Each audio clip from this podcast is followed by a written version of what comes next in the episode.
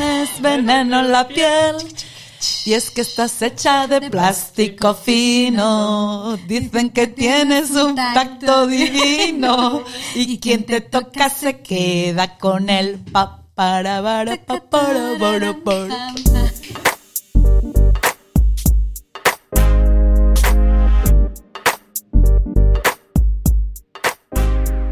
Kaixo, kaixo, Arrate Hernandez oiarbidu naiz, gaur biparetan, plastikozko planeta eta emakumezko kirolariak. Ana Galarraga zientzia komunikatzailea eta maitane urbieta kazetariarekin. Ba, altzatoz!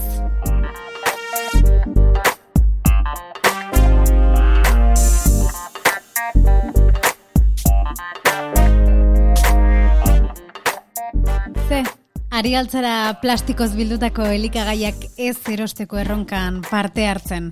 Seguru pentsatuko zenuela ezinezkoa da. Eta bai badakigu, eh? Baina supermerkatuan eta gure etxeetan zenbat plastiko dugun jabetzea bintzat, derrigarrezkoa izan beharko luke. Bagoaz lehen paretarekin, sarreran aurreratu dugu, plastikoak ingurumenean eta ondorioz gugan ere duen eragina zitzeingo dugula, eta horretarako konbidatu dugu Ana Galarraga, Eluiarreko zientzia komunikatzailea. Besteak beste, Ana. Besteak beste danok bezala, ez? bueno, ongi etorri eta eskerrik asko, eh? Eskerrik asko zuei gonbidatzagatik. Eta zuzeuko erredakziotik, Oier Arantzabal eta Nartz Bilbao. Kaixo ere. Kaixo, arrat, eskerrik asko. Zure maia zabaltzegatik dugana. Hemen gagoz berri. Besoak zabalik. Bueno, eta belarriak ere bai, eh? Mundu mailako arazo baten aurrean gaude, e, plastikozko planeta bat ari gara sortzen. Zer? Bai, eta zeinek esango zuen, ba, asmatu zutenian horrelako material erabilgarri eta praktikoak, horrelako arazoak ekarriko zituela handikan eundapiko urte bartara ez da? Mm. Bai, bai, e, e, industrializazioarekin gertatu duan bera da, ez? Industrializazioa aurrera pena e, gerora ondoriotan etorri da, ez? Eta orain ari gara planeta salbatu nahian, ez daki salbatuko dugun. Baina, desde luego, e, plastikoena, bada arazo, arazo handi bat, e, Bai, eta beti bezala nahi dugu salbatu guk ezer jarri gabe gure aldetik edo guk alda, mm. gehiegi aldatu gabe gure bizimodu azken finean. Oiei aurrera pen hoiei mhm. esker iritsi gea horrela bizitzera, oso bizimodu erosoa, edo eta eta ez gaude preste zer trukean aldatzeko. E, datu potoloetan eta sartu baino lehen eta zuk esan duzu gure bizimodua eta gure oiturak eta eta plastikorik gabeko aste honekin e, bat eginez, e, zer zein dira aldatu behar ditugun ohitura hoiek edo bueno, beste modu batean planteatuta e, ikasi beharko genituzken ohitura berri hoiek? Boa, zezaia. ba, pentsa, e, goizetik ja hortza garbitzeko zerekin garbitzen ditugu. E, e, benetan da zaia, eh? Pentsatzen gartzen bazera. Plastiko zinguratuta bizigea, eta hor bai. zer zetan zenun e, hortza garbitzerakoan? Ba, hori, hortza garbitzeko eskuia bera, plastikozkoa mhm. da. Orduan, ordezkatzea erabiltzen dugun hainbeste, eta mm. etengabe, denean, erabiltzen dugun material bat, beste materia bategatik edo ustea erabiltzeari erabiltzen ditugun gauza horiek hori guztia eskatzen digu. Saiak handi bada. Izugarria. Demagun, demagun e, plastiko eskule hori bota degula basuretara eta eta eraman duela kamioi batek bota duela e, zabortegi batean. Ez? Zenbat denbora behar du desagertzeko?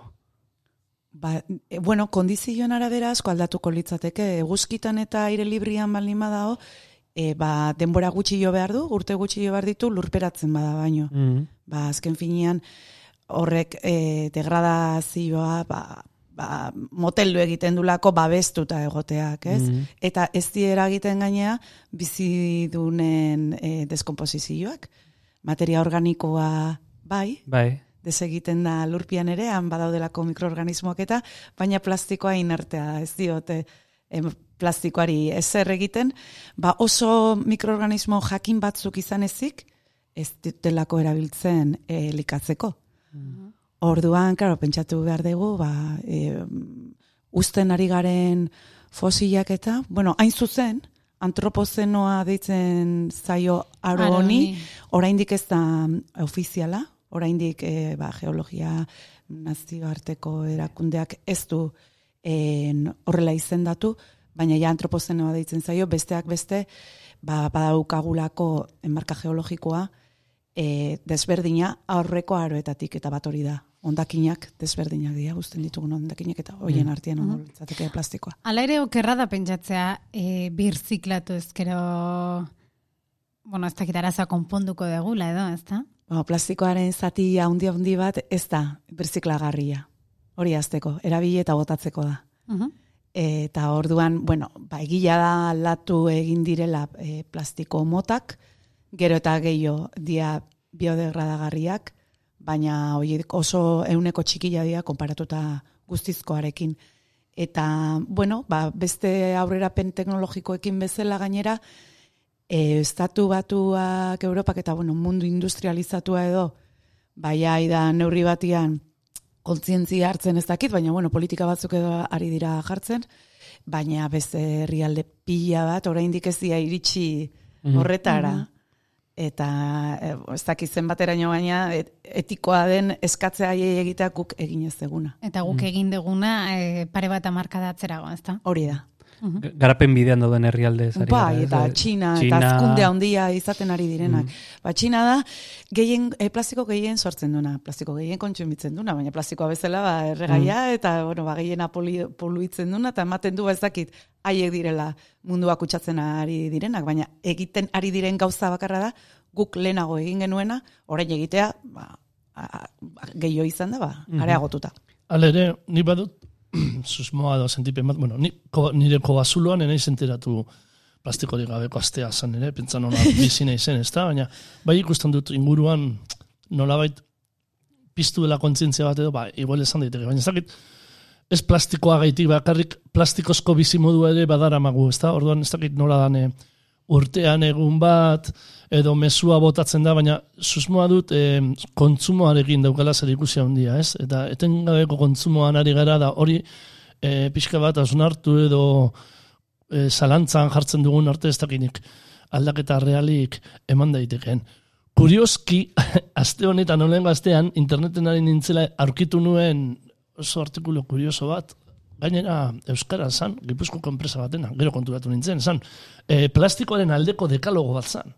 Eta uste dut dala horregaitik, kontzientzia rollo bat sortu delako eta gero konturatu nintzen zirela plastiko ekoizleak, eh? baina ipintzen zuten pixka bat, ba, pixkat historia, ez da? Zelan, ze oso denbora gutxian oitu gara plastikoen kontu honetara. Eta nola, e, e, beharrezkoak diren, ez? Hainbat eta hainbat e, arlotan edo lanbidetan, da, bueno, agertzen ziren e, medikuntza kontuak, eta, bueno, gauza asko agertzen ziren, ez da? Baina, nik kontsumoarekin lotuko nuke, eta nik hor bai supermerkatura joan plastiko gutxiago ez dakit. Hor nik uste dut urbil, berrerabilpena, baina ez, e, elikagaiena, eh? beste oza, gauza guztiena hurbileko hurbileko kontsumo egitearena, oza, e, ar, ikusten ditut igual arrazoi edo neurri asko hartu beharra, eh? Konsumo, konsumo aldaketak eragin dezakela aldaketa bat en- ondakinetan esan nahi. Bai, eske, bai, ze plastikarena badauka zer ikusi handia, ez? Bai kontsuman, bai orain ondakinen afera ere hemen afera handia egon izan da, eta bueno, e, arlo askotan dauka, ez da? Industrian eta ekonomian ere, bueno, Gal, ga- galdera bat, Maira, ez dakit eh, anak erantzun aukiko duen. Gaur, edukiontzi eh, horian botatzen ditugun eh, ondakinak nora joaten dira? Zer egiten da horrekin? Badakigu, nun bukatzen duten, zer tratamendu duten?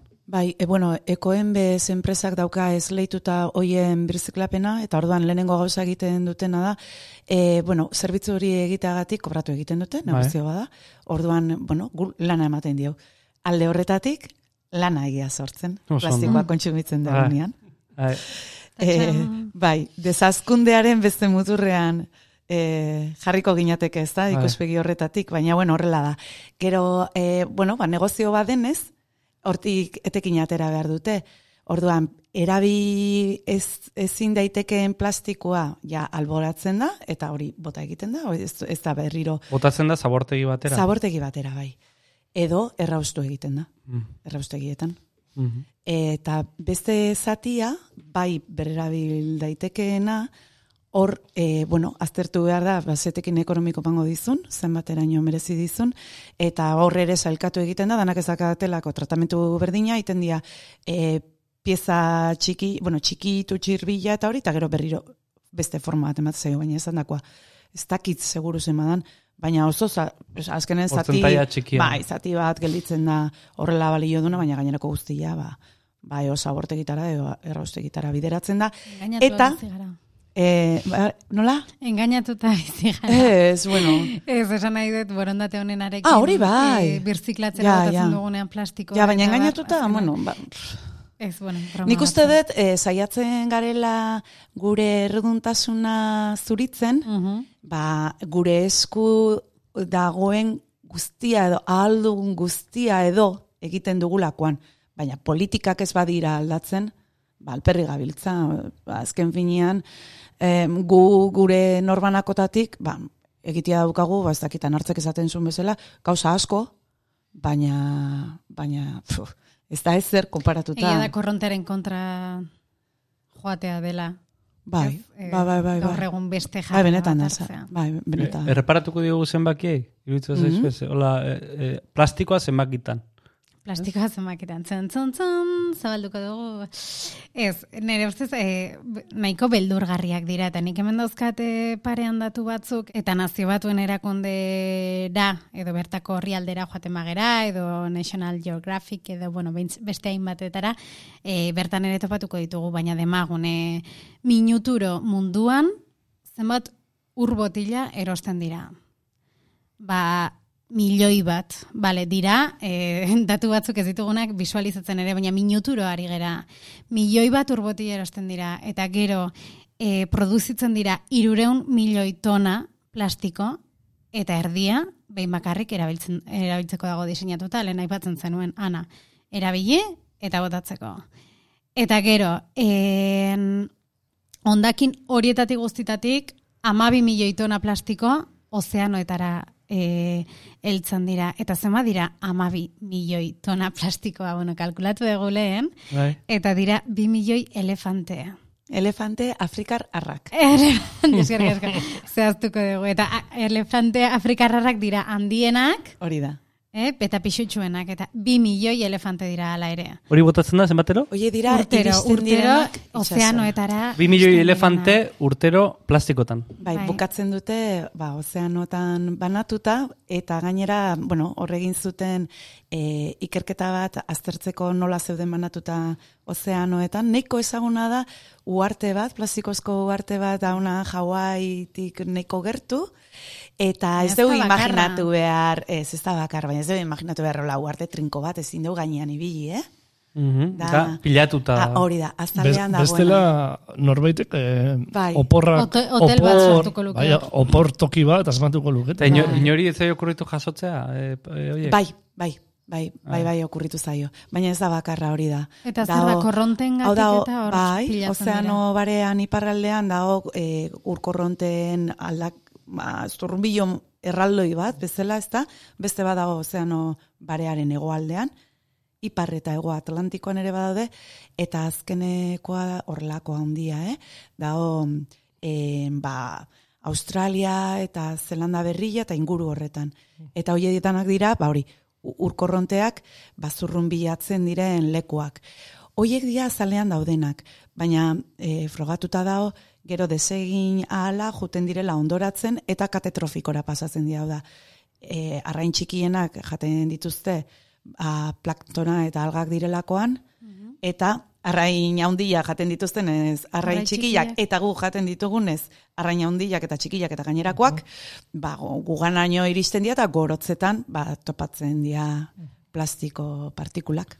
Lehen eh, elefante afrikar arra esan duzu, ez dakit adibiderik onena, eh? nik koste egiten zait, eh, visualizatzea, hemen ez daukago elefanterik, Ar, ardilatxa, katutxoetan, Santo Tomaseko txarrietan egin barko zenukete Bai, bai, hori ez, translazio hori. Imaginatu eh, zen bakatu, eta gainera da negarre, esan ez bat milioi kakatu Ezinezkoa bukatu da. duten itxasuan itota.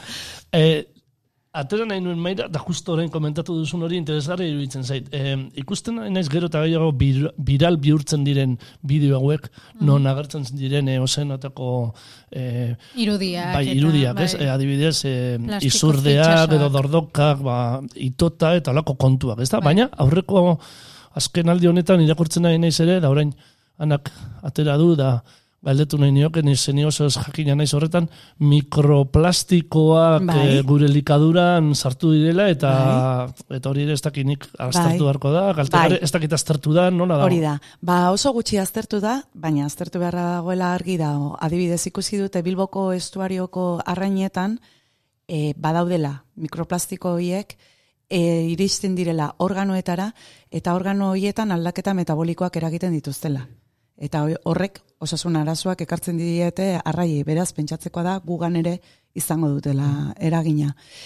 E, mikroplastiko horiek, adibidez, ogain dela gutxiko albistea da, Pirineotan ere topatu zituzten airean, eta haien jatorria aztertuta, ikusi zuten gutxi gora bera erdia zala plastikozko zorrotako plastiko mota hori, baina ja hain txikituta hori, airean agertzen dala, ez da, e, flotatzen, eta beste erdia zan, zuntz, e, ba, erropa, ba, bueno, ba, forro polarrak eta ibiltzen ditugun material plastikozko erropa haienak.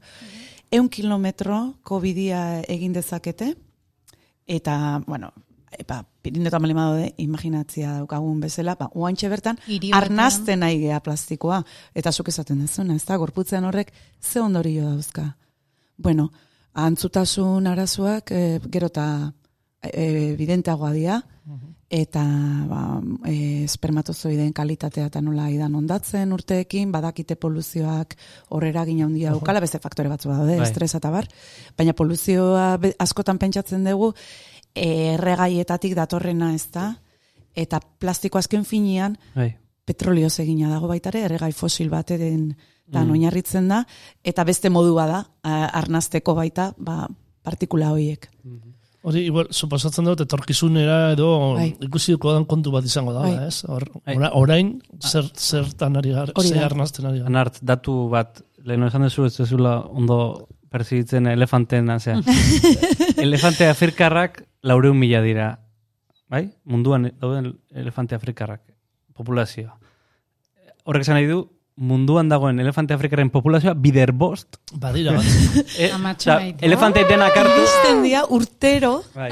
itxasora. Bai, Esan nahi du horrek, e, e, ur, urte laurden baten, Hori da, ba, elefant, munduko elefante danak, baino pixa gehiago botatzitugula e, itxasora. itxasora. Badakit fribolo utza naizela, eh? baina pentsatzen nahi naiz itxasoak gorantza egingo duela elefante guztia goro barruan. Bueno, eta pentsa, eta gaina artikoa eta ere urtzen ari denez, eta Bai, badakizu, ba, o, o, ba, ondartzari gabe gelitzen gera. Bai. bai. Bueno, eta ana, ekarri nahi zen izkigun ere, hainbat eh, espediziotan ikusi, bueno, itxasoan jarraitzen dugu, oraingoz, e, ikusi direnak eta hoien ondorez ezakit ikasi deguna, edo zer Bai. dakigu espedizioen ondo. Bai, hori, espedizio horietan ikusi dute, e, ba, leno komentatu duguna, nun dauden, eta, eta? e, bai, hori da. Eta gaina hoi galdetu du, ea jasotzeko asmorik eta badagoen, esan dio baietz, eta ez dut gehiago jarraitu, Bai. baina bai, en, bai daude e, itxasontziak prestatuta sareekin eta arrantzatzeko plastiko horiek eta lurrera eraman eta tratatzeko. Mm. Hori da hartzen da neurritako bat. Kalifornian adibidez baita beste neurri bateko plastikoekin, ba, mikroplastikoak e, debekatuta daude, esate baterako kosmetikoetan ibiltzen dira, Bai. eta baita hortzetako pasta eta Bai. ba, eukitzen ditu haula pinportatxo batzuk Bai. eta mm, bueno, azken finean da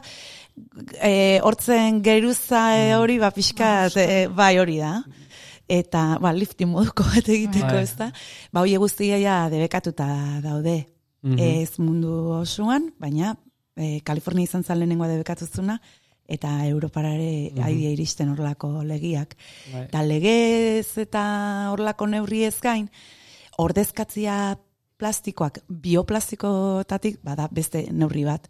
Bai. Eta adibidez hemen egiten da ikerketa horretan, biomaten, en, bueno, nik ezagutu nun alaitz txabide, Bai. lesakarra, eta horrek eh, garatzen proiektu bat egiteko bioplastikoak txibien ezur edo luma. Ondartzan topatzen ditugun Jesus. e, txuri hoiek, ez? Oie, txori hoie dia ja, haundilana. Undiana, bale. Bai, baina beste finagoa dia, Bai. txipire gutxi garbitu dituzuzuk. Ez, garbitu dut, ba, Ah, ba, oiek, baina oiek. Txibien ezurra esan da hori, hori. bai, ez baina horrela izena dut, agun Bai. luma ditze, o, Bai. bueno, hori. Ba, horrekin, e, bioplastikoak egin. Ara. Eta e, beak esaten zun, leno komentatu deguna, industria badago, e, badago teknologia ordezkatzeko plastiko konbentzionala, ez da? Baina ez da una da interesik. Ba, diru asko daolako ja inbertituta, eta hor badaude batzuk ja lanian horretan. Posto naiz uhartu horiek eh, retiratzeko edo jasotzeko plana badago, suposatzen dut oso nekeza izango dela, oso garestia ere. Eta konstantea, ze Bai, botatzen goaz. Hor kontua da, ni lehengo ber- gauza berarekin nabil erre eta erre, baina kezkatzen hau iruditzen zait askotan bideo viralak eta olakoa bai, baina neurri txikiak gugandik atera daitezkenak ere, ez dakit zenbateraino balio duten, eh? baina ni gogoratzen dut adibidez, gure osaba, zestaz jokatzen ibili izan, estatu batuetan, da esaten zuen bera zestaz gaztetan aitona da orain, e, aitxitxe. Han zestaz jokatzen zuela, e, ustot, e, ez dakit ze izango zen, Florida izango zen, e, Mm. plastikoak eta desagertuta, osea, e, telebistan ikusten dugun bezala, ez? E, paperezko poltzetan sartzen zituztela erosketak eta.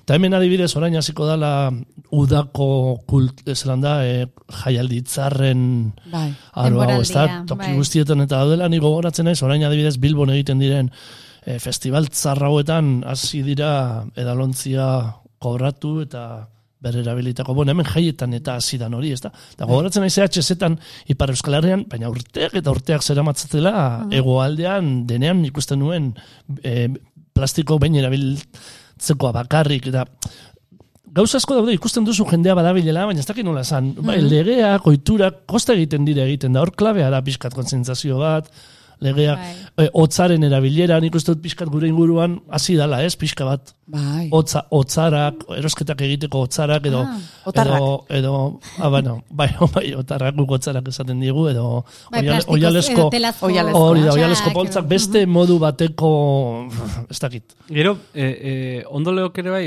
e, estali beharrean, e, biztan eukiko bagenitu, gure ondakinak, e, emango liguke zer pentsatu, ez? Esan nahi dute, e, bueno, e, erabili plastikoa, baina ondakin hoiekin, e, beka bat egingo dugu artistekin, eta eta urtero, e, rotonda batean jarriko dugu e, e, plastikoekin indako e, e, zea bat, e, artelan bat, ez?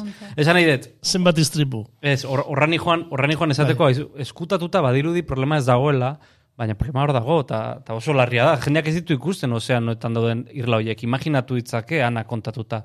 Ez ditugu ikusten, ez? Eta, Eta beti oso da, zaila da ere imaginatzea, eh? kontzientziazio hori ez dala... Bueno, tartean behin horrela eh, astindu bat ematen digute, gogoratzen naiz guantxe bertan, bideo bat oso virala egin zen, flixean, eba, saltzen zialako plastiko partikula bai, neurri egia da. guztietakoak, gero en, Gaztelu nes- batxan ere egin zuten. Nestlen. Greenpeacekoak egon dira orain egin dituzte panpina batzuk, ez da? E, plastiko, mm. osea, botatako plastikoekin nolan mamu erraldoi Bai, batzuk, da bai. uste Nestleren Ah. atarean jarri dituztela, bueno, holako, e, pixka bat, e, bai, interbentzio Eh, Ana, zer, ere- zer eragin daukate plastikoek ozeanoan? Ja, hitz egin da mm, zientifikoki, esan nahi dute e, faunaren gara eragina daukate, bai, bai. uraren kalitatea okertzen dute, ezin da? bai, bai, Eragina. e, faunan gaina, aipatu dugun bezala, Bai. kate osoan, eh, hasi txikitatik, eta hoiek, bueno, en, itota hiltzen dira, Plastikoak Eh, askotan. Hemen hori da. dauzkat, beste datu batzuk, e, milioi bat itxas egazti bai, hiltzen direla, eta egun mila itxas ugaztun, e, bai hori itota, kateatuta itota hiltzen direlako, edo jan plastikoa jaten dutelako, eta bueno, pues, horrek kalte egiten dielako, ez? Eta Bai. askotan ikusi ditugu ere bai arraiak zatituta edo ate bat zatituta eta hori plastikoa Eta e, ikusten da, zabelean, bai, zenbat, bai, bai, bai, bai. Barkatu moztu ez zaitut, zer egin dauka Ez, ez, ez. Ez, ba, bueno, bai, hori da, komentatzen genduna, ba, begibistakoa. Orduan, e, horren aurrian, jakinda gu geu gerala horren eragile, ez dakit. Ardura da, falta zaiguna, ez da? Horretaz jabetzeko guztiz. Mm, Ez da erresa, ez da erresa. Ez da erresa, batez ere, ba, hori, dezazkunde bat eskatzen digulako. Mm.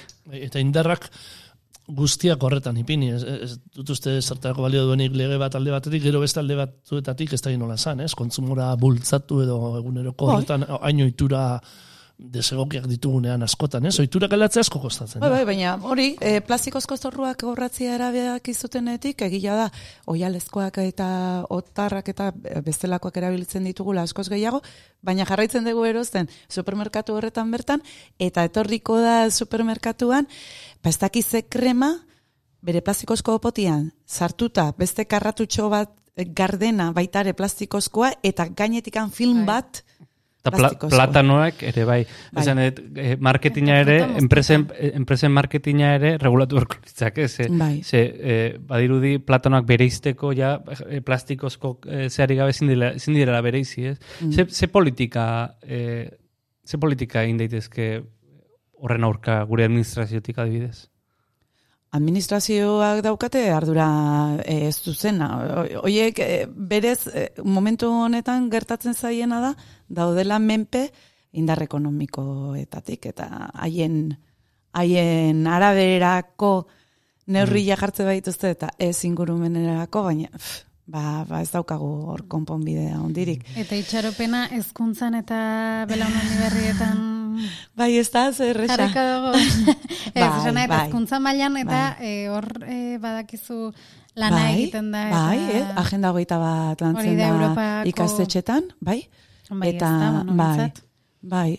Baina en, gehiena ikasten duzu egunerokoan eta zure etxean Mm. bertan, ez da? Bueltatu beharko gara pixka bat gure aiton amonen. Jo, niko goratu Bai, dut. desazkunde hori da. Zuek ez dakit eh, hori ezagutu duzuen, niko goratu dute amonarekin, kantinarekin eh, horra, eta ardoa, zelan da, eh, garrafan eta gero botilak bete, berrerabili, kristalesko. Osa, ardoteetan aurrekoan kaja bat erosi nuen, desan ziaten, ekarri gero botilak eta Hori, hori bota." atzoko kontua da, esan nahi dut hori, atzo, atzo, atzo bertako kontua da. Hori, Az- Aztu egin zaigu. Baina ze gutxi, denbora gutxian joaten den dana pikutara, ez? Da gero ze zaila dan be- berreskuratzea lengo, lengo egoera. Eta ze gean aurreratzen e, teknologia eta eta bizitza erraztuko diguten gauzak eta ze txarrak aurrikusten ondorioak. Mm. Eh, harrigarria da. Bai, bai. Eta aztu Bai. iten zaigula planeta baten parte garela, ez? Bai, eta ez daukagula besteri momentuz. bai. Bueno. eta, epe, ta, ta epe motzerako begiratzen dugula beti, ez dugula, Bai. inork ez duela begiratzen e, e, belaunaldi, e, belaunaldietako be, begirada batekin, ez? Igual zientzialariak gehiago, baina, baina politikan ez. Administrazio ere hori gertatzen zaia. Askotan lau urteko epialdia hartzen dute aintzat, ez da? Mm. Ka, honek ez du, honek eskatzen du kompromiso bat, ba, zuk esan dezuna, epe luztera.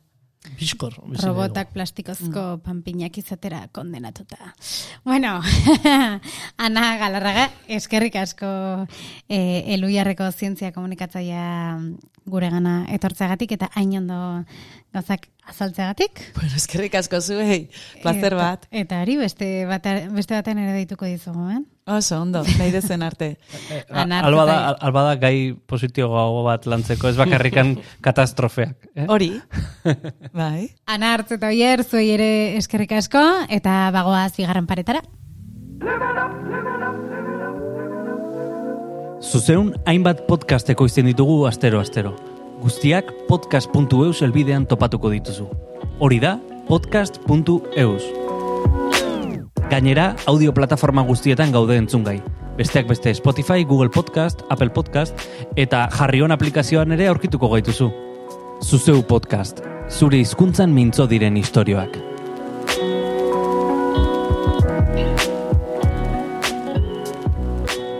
Bigarren paretari jotzeko txanda, aste honetako kazetari gonbidatua Maitane Urbieta Euskadi irratitik. Edo, Granadan erreginaren kopako finalean, realaren garaipena kontatu zigun esataria.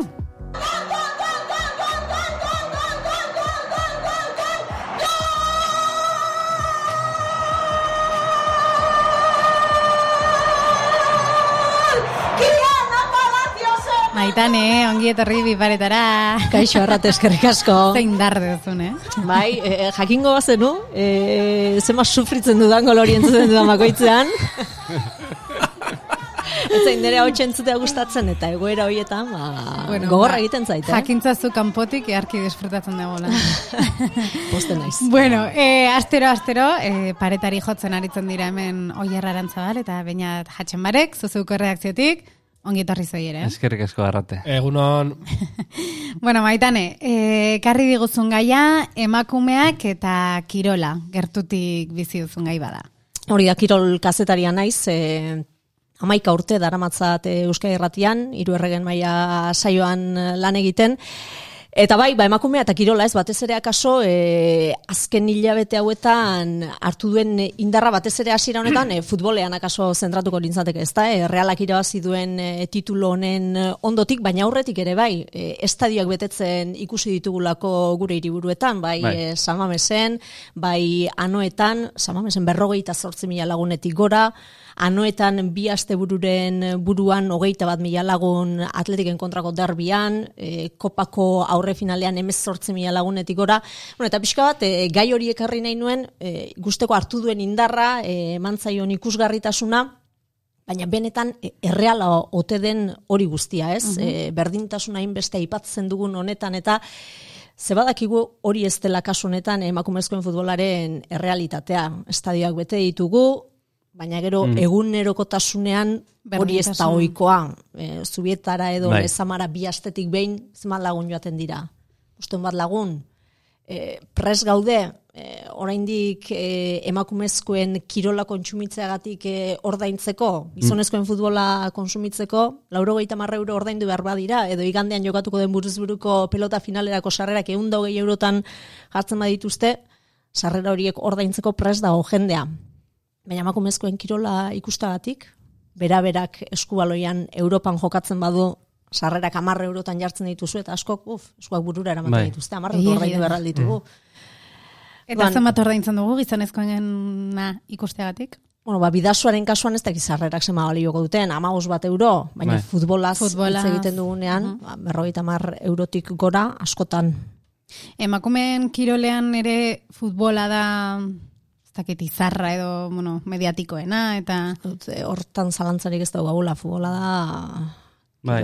erregea, ez? Indar guztia daukan, akaso diru gehien mugitzen duena ere eh, badelako, eta gure kasuan hemen gertuen dauzkagun taldek klub handi baten babesa daukatelako, reala eta atletiken babesean egoteak eh, horrek asko asko ematen die talde hauei, ze beste talde asko daude txikiak direnak, Bai. babes hori gabe, ba, euren miseria askoz ere handiagoa dena. Agian, oitoa gaude tenisera edo, edo, edo olimpiadetara, ez, emakumezkoen kirola ikusgarriagoa edo, edo bueno, nabarmenagoa izan da eh, alor horietan, ez, eta orain... eh, Eta gimnasian. Eta gimnasian, Ez, ere, bai, bai. Baina, bueno, badaudela alor batzuk, ba, parekidetasuna ez, ez baina, baina ur, urbilago dagoena, ez?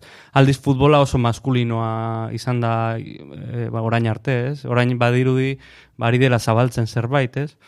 Eta nik batzutan galdera bat egin izan dion buruari, eta da, zergatik izan behar duen mas, maskulinoa eta femeninoa, eta zergatik ez neska batek ondo jokatzen badu, eta ona balin bada zergatik ezin du jokatu e, erre, errealeko lehenek. Horrela ditzen diogu, ez? E, orain banatuta daude, baina bai. lehen taldean zergatik izan behar du gizonezkoa, ez? Zergatik, e, hori da, berdina gertatzen zait, e, e, bueno, enaiz hartuko jardinetan, e. Ez, hasi zara, eh, Ez, hor. ber, berdina gertatzen zaitela, ba, ni Radio Euskadira ni joanean, zer, nire galetzen diot, e, tira, ba, Galder Perezekin berbait elkarrezketa, zergatik imerde gazteleraz, ez? ez dakit? Zergatik daude horlako mugaz, e, e, oiek, ez? Ez dakit? Uste dut, kirolaren kasuan, e, berdintasuna aipatzen dugunean akaso, e, baldintzen inguruan jarduten gara gehiago ez, e, fizikoki ez gara berdinak. Bai. Fizikoki emakumeok beste muga batzuk ditugu, ez akaso kirol guztietan, baina nik uste dut elkarrekin jokatzen jartze hori ez litzatekela erreala izango. edo Oso oso Badago ligaren bat edo horrela talde mistoak dituena? kurlinean adibidez, jokatzen dira munduko txapelketak, e, txapelketa estatalak, e, eta hemen talde onak ditugu, txuriberri eta sumendi gazteizkoak, e, titulak irabazten dituztenak, eta horiek bai dira kirol mistoak, baina ez dira kirolak aso fisikoak, Ja. ez, e, ba, futbola bezala, edo eskubaloia, uste dut hor ja, e, gorputzaldetik bakarrik ere Bai. desberdina garela, eta hor ja pareko elkarrekin jokatze hori, hori oso... Ja, Bain, oroitzen nahi nahi, zuzeun e, e, eztabaida dezente sortu zon e, e, idatzi batekin, e, emak, emakume transexual bat e, eliminatu nahi zuten e, atletismo probatatik. E, bazeuzkelako e, gizonezkon e, zaugarri fisiko batzuk, naiz eta bea emakumea izan. Bai, eh? hormonak, Zo, hormonak hori da. debekatzen eh, hasi zidan, eh, bai. eh? Bai, bai. Bai. Claro, hori ja beste, Bai, beste igual saltxaga beste- da, bai, ez? bai. Baina Bai. nik uste dut hor, eh, desabantalla handi bat hori dela fizikoki, uste dut berdintasuna aldarrikatzen denean agaso beste, beste esparru batzuk landu behar direla, ez? Eh, asteko ba, entrenamenduak gauzatzerako garaian dauden instalakuntzak, eh, baliabideak, ordutegiak, ze beti lehentasuna ematen zaie gizonezkoen taldei, eta geratzen diren utxuneak emakumezkoentzat geratzen dira, normalean orain arte horrela izan da, eta nik uste dut orain e, borrokak eta pixka bat e, talde handietan e, hortik doazela, ezta? E, bai, berdintasuna nahi dugu, baina az gaitezen betik, eta nik uste dut e, batzutan nahi dugula berdintasun hori jauzi batean ez, eskailera mordo batiko eta mutilenen pare jartzea. Eta nik horri ere arrisku batzuk ikusten dizkiotez, e, arraunean San Juango emakumezkoen taldean gertatu dena. Berdintasuna nahi duzu, nahi duzu, baina emakumezkoen arraunak zei bilbide dauka. Oraindiko somotza da, eta nik ulertu dezaket, eh, titulo pila bat irabazi dituzte, azken kontxak eurenak izan dira, eta hor, beraiek erraibindikatzeko gogori izatea, eta berdintasuna eskatzea, eta baliabide aldetik hori oso ondo iruditzen zait, eta eh, egin beharreko eskaera bada. Baina urratsak eman behar direla iruditzen zaiz, zegero arrisku horiek daude, e, tensioak sortzen direnean eta eh, ez dago oinarri bat azpitik sendoa dena, eta hor puzle dena bera dator. Eta hori hor gauza zer da, dirua ez dutela ematen, edo zein da... Dirua izango da, e, uste dut, e, askotan arazoen iturburuak ekonomikoak izaten direla, nik uste dut ez dela hori bakarrik, eh? da errekonozimendu bat. Nik e, San Juan azken urteetan indartsu izan, oi hartzuna izan du, emakumezkoek egin dituzten edo da. izan dituzten lorpenengatik. Orduan nik uste dut askotan babesgabe- errekonozimendua ere badela. Baina gero babesgabe geratu direnak ere, azkenan emakumeak dira, ez? Emakumeen taldea da, kasu Bai. Orioa, orioa moitu ziren, edo oriok, oriokin indu akordion bat, posible da? sakabanatuta geratu dira, hori ora joan dira batzuk, ondarribian daude beste batzuk, baina hor azkenean e, batzar bat egin zen. Zuzendaritzak kargua klubeko bazkideen esku utzi zuen, eta bazkidek zuzendaritzaren alde egin zuten. Mm. Hor, bueno, eh, aipatu duzuen arira, eh, ba, dirua bada kontutako bat, baina, baina baita ere erreparatu behar diogu historiari, ez? Ez nahi dut, eh, ba, lehen futbolean eh, ibiltzen zen emakumea, eh, gaizki ikusia izango zen. Ez? Mari mutila Eh, zen. Mari mutila zen. Noski, Eta, eta orduan, eh, bueno, ba, mutilen eh, futbola, edo gizonezkoen futbola garatu zan bitartean, ba, emakumeek debekatuta zuten, nola bait, ez? Estigmatizatuta jolast, jokatzea. Eta hor, hori normala da hor, orduan, eh, ba, mm, gizonezkoenak horrelako merkatua sortu izan, eta emakumezkoenak ez. Pareko, pareko eh, a- eh, ari, eh, jokatu balute, edo pareko gara, garatzeko aukera izan balute, bestelako alitzateke kontua. Baina nik hor aukera bat ikusten dut baita ere. Zuk aipatu duzuna, ez? E, e, ezin dugu pentsatu bapatean pare, pareko izango denik, ez? Baina ez izatea pareko aukera bat da, beste modu bateko futbol bat e, egiteko, ez? Nik bintzat e, gizonezkoen futbolarekin da. ez dakat, e, e, bueno, ba, atletikekoa naiz, ba, txikitatik e, ala naizelako, ta, baina geroz eta interes gutxiago daukat e, ligarekiko eta ta, e, fifarekiko eta futbolaren e, txiringitoarekiko. Ez, ez dakit, ez, enau erakartzen, enau erakartzen animatzeak e, e, ba, horrelako negozio e, milionarioa, e, ez dakit, e, ideologikoki urrundu naiz futboletik. Akaso e, oso urrun ikusten ditugulako eta izar batzuk direlako, ezta? E, askotan nik beintza sentsazio daukat futbolariekin gure errealitatetik oso urrun bizi direla, ezta? E, guk egunerokotasunean ikusten ditugun arazoetatik aparte biziko balira bezala eta emakumezkoen kirolean oraindik eren naturaltasun hori badago eta nik orain e, ba, emakumezkoen realak lortu den e, kopa garaipen honi esker orain ikusten ditut e, borrokan ari direla emakumezkoak eta nahi dute olatu hau aprobetxatu, lortu duten hau aprobetxatu, ba, bueno, beren eskaerak egin eta aurrera pausoak emateko, eta horrek ere beldur bat ematen, ostras, aber orain, hainbeste indar hartu behar duen, gurasoak ere erotzen hasi behar diren, eta ez, ze gizonezkoekin zer gertatzen da, Zuk hamala urteko seme txiki badaukazu, futbolean ona dena, Guraso asko itxutu egiten dira, eta pentsatzen dute euren semea izango dela etorkizuneko Messi, Mhm. eta ikasketak alboratu eta astea lezaman pasa beharroa da, edo astea zubietan pasa beharroa da, eta horretarako pres gaude. Bai, Oso muturreko egoerak ematen dira, ez? Osa, esan nahi detzea, e, e, gi- gizonezkon futbolen haitzen ditun zifrak, osa, ez, dakit, zegaltzen naiz ja zenbaki batetik Bai, aurrea, baino egia da, e, askotan e, e, emakumezkon aldarrikapena kirolen da askotan, kiroletik bizia ahal izatea. Hori da. Hoi da. Bizi! Kontratu Zabe, profesional bat hori da. kontratu izatea, bai, bai. Orduan, bueno, osea, hori, bal- hori bada, inbarko litzekena da baita asko, ez? Igual gizonezko batzuna jetxi ze, ze astakeri, astakeri batzuk moitzen dior. Bai, eta gero akaso e, ikasketen garrantzi hori, ez da? E, emakumezkoak e, orain e, beraberan ere ikusi ditugu, eliteko kirola utzi behar izan dute, ez direlako gai lehiaketa eta lana Amatasuna ere. amatasuna uztartzeko. Mhm. Beraz, hor, e, baldintzako hobetzen badituzu, hortaz bizi zaitezke, baina uste dut garrantzitsua dela, e, gaztea zarenean batipat, ze askotan ari gara hitz egiten, emez sortzi, hogeita bi urte bitarteko gaztengan.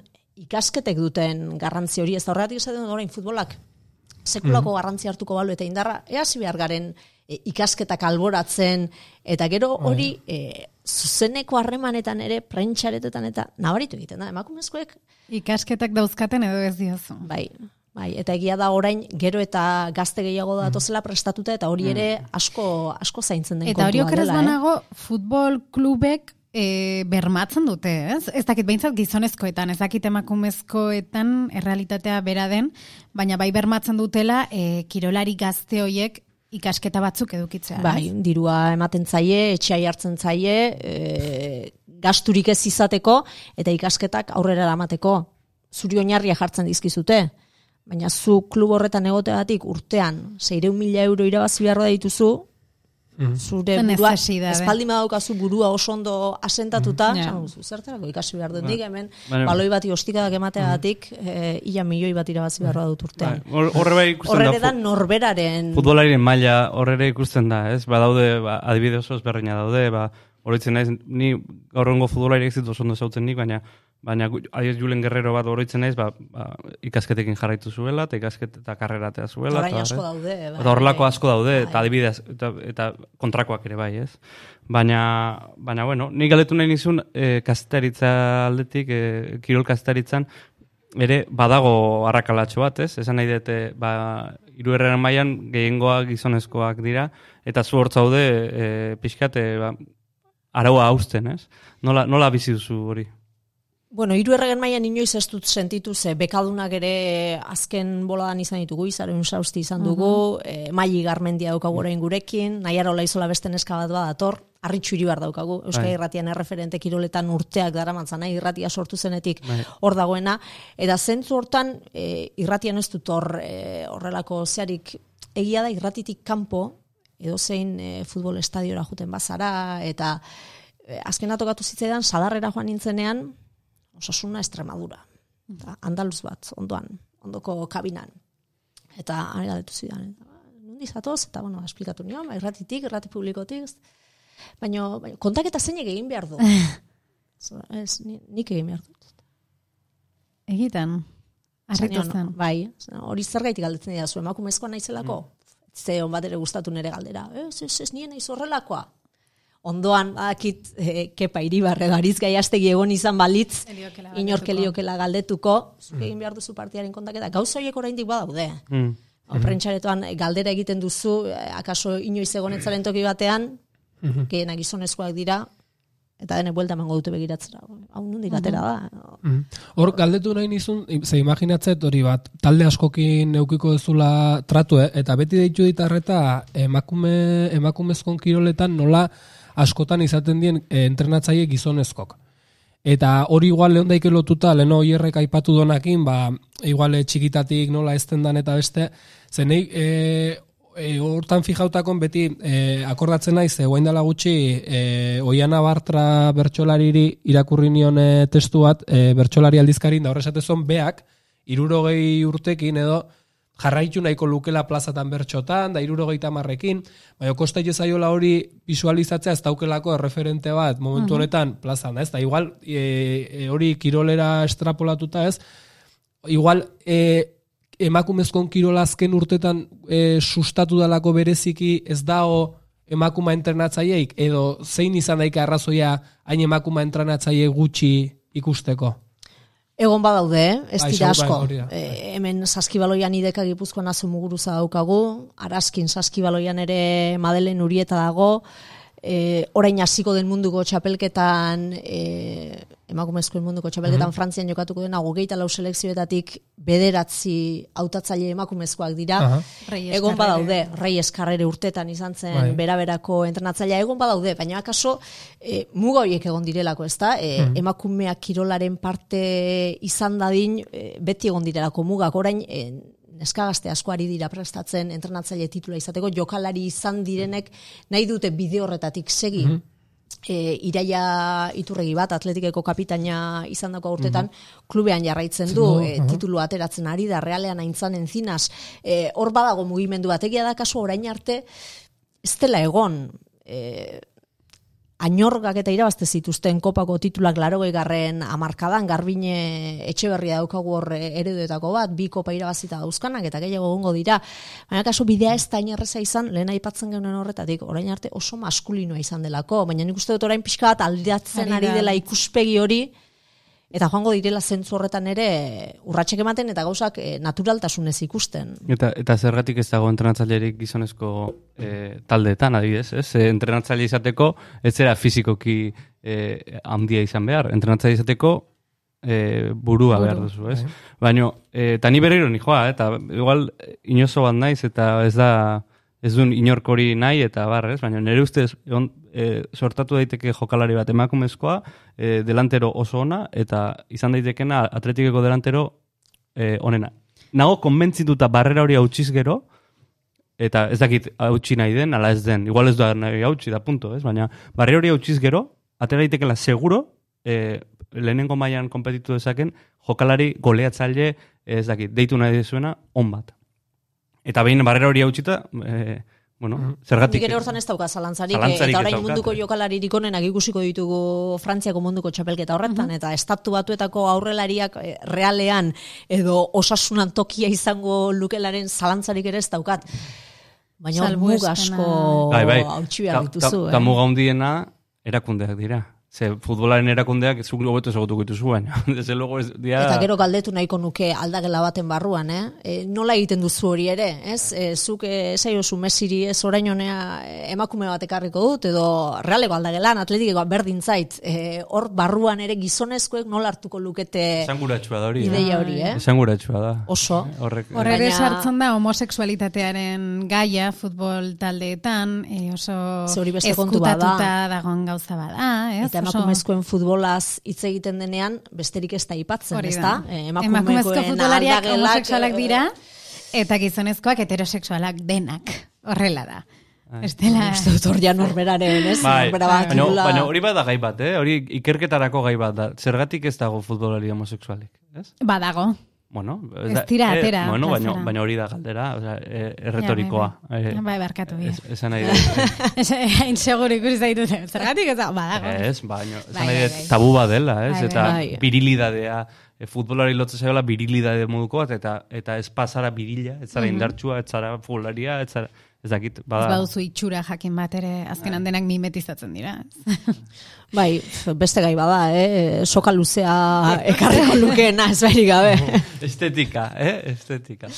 Bai. Eta maitane, zuk, e, bueno, zure kazetari, kirol kazetari lanera itzulita, e, nola lantzen duzue emakumeen kirolaren, e, a ber, emakumeen kirolak hau da, esan nahi dut.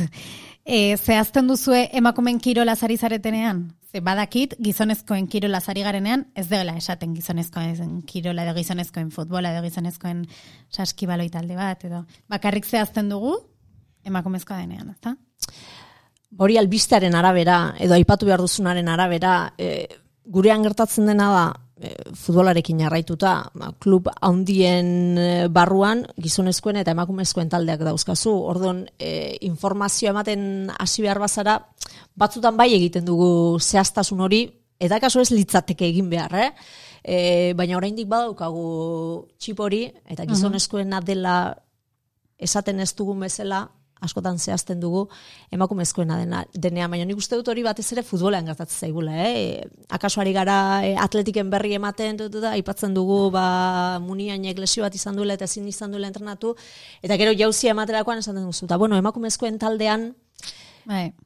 bai, Ja, bueno. hori oraindik badaukagu barneratuta bestelan, e, nik esango nuke nahiko naturaltasun handiz e, jorratzen dugun kontua dela e, eskubaloian adibidez berabera hitz egin behar badugu ez dugu esango e, beraberako emakumezkoen taldea Mhm. ez baina Eta hor, e, iru mailan ere, beste kirol batzuk e, lantzen dituzue, eta hor ere emakumeek parte hartzen dute.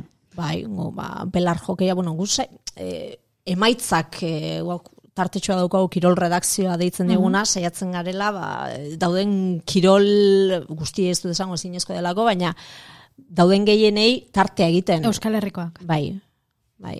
Eh, Gero, bueno, bat formula eta ez dira Euskal Herrikoa, baina kirol notizia bat baldin bada, baina hemengo mendi lasterketak, hor beti aipatzen dituzu gizonezkoak, emakumezkoak, belar jokeia, tenisa, bueno, e, uste dut hori eramaten dugula, e, naturaltasun handiarekin e, albistea zer den, ba hori aipatzen dugula, generoari behitu ga, begiratu gabe. A- Argi zenuen kirol kazetari izango zinela?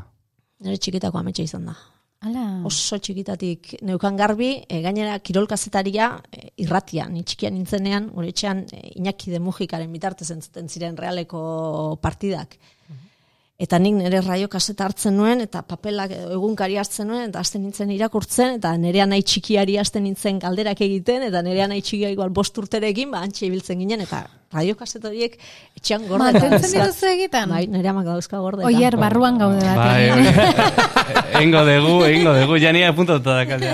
Nik apuntatuta da kalea. Betidaniko ametsa, eta ba, horrela xe suertatu zen, karrera amaitu nuen, e, bekaldia Euskal Irratian egiteko aukera izan nuen, hiru erregen mailan hasi nintzen gainera, niretzako ba, ikaragarria. Ba, ametsa betetzen noala ikusten ari naiz, eta oso, zentu hortan oso zorteko sentitzen naiz, beti nahi izan dudana egiten ari naizelako. Asteburua, bai, amaika urte dara matzat asteburutan lanean. Familia daukazu, umeak dauzkazu, dena uztartu behar da, ez da, ez da erreza. Ez da erreza, etxean lagatzen duzu hor gizonari geratzen zaio marroitxoa. Baina, Bai, asko betetzen Konpentsatzen zaio horrek, bai. Ahotxare zaindu barko zu. bai, egia esan hautsa, ez, ez daukat horrelako trukorik, eh? hautsa sendo xamarra daukat, e, asteburutan lanean egiten ere ez daukako horrela desmadratzeko eta aukera gehiagirik, eta ez... Ba, ahotsa ondo daukezu realak ez tolako egunero irabazten, bestela, beharke bengo zinen. Bueno, maitane, ba, hori, emakumea eta kirola, e, bide mm, egokian edo honean goaz. Asko eratzen zaigu egiteko. Mhm. asko eratzen zaigu egiteko, e, bai instituzioei, bai klubei, eta baita guri kazetarioi, eta baita ikusleei, eh, gizarteari. orokorrean. Bai, uste dut e, denok eman behar dugula aurrera pauso bat, e, denok babestu behar dugula, denok e, benetan hor, hor berdintasun hori e, behar dela pentsatzen behar, e, pentsatzen badugu, ba, sinistu egin behar dugula, eta babestu egin behar dela, eta apoiatu egin behar dela, bestela e, esatea, e, besteek egin zai egon behar bagara, beste gauza askotan bezala mundu honetan, ba, kostata iristen dira. Ederki ba, horrotziko dugu. E, mila, mila esker, maitane urbieta, Listo, Euskadi pasada. Irratiko pasada, pasade zu proba. Irabazi zu partida. Earki Naiz irabaztera etorri, eh? Gozatzera etorri naiz, eh? Bueno, ba, hoxe, beste bat arte, besarka da bat. Eskerrik asko.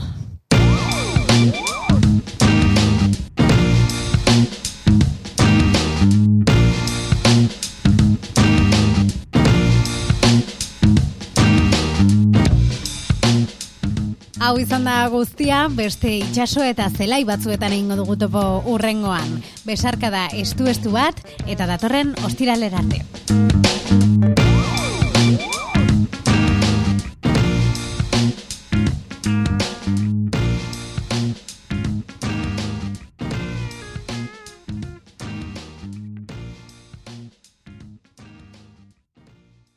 zein plataformatan entzun dezakezu zuzeu podcast. Spotify, Apple Podcasten, Google Podcasten, eta plataformaren batean espalima gaude, idatzi podcast abildua zuzeu.eus elbidera. Hori da podcast abildua zuzeu.eus. Eta segidan igoko dugu plataforma horretara ere gure edukia. Eskerrik asko eta hurren arte.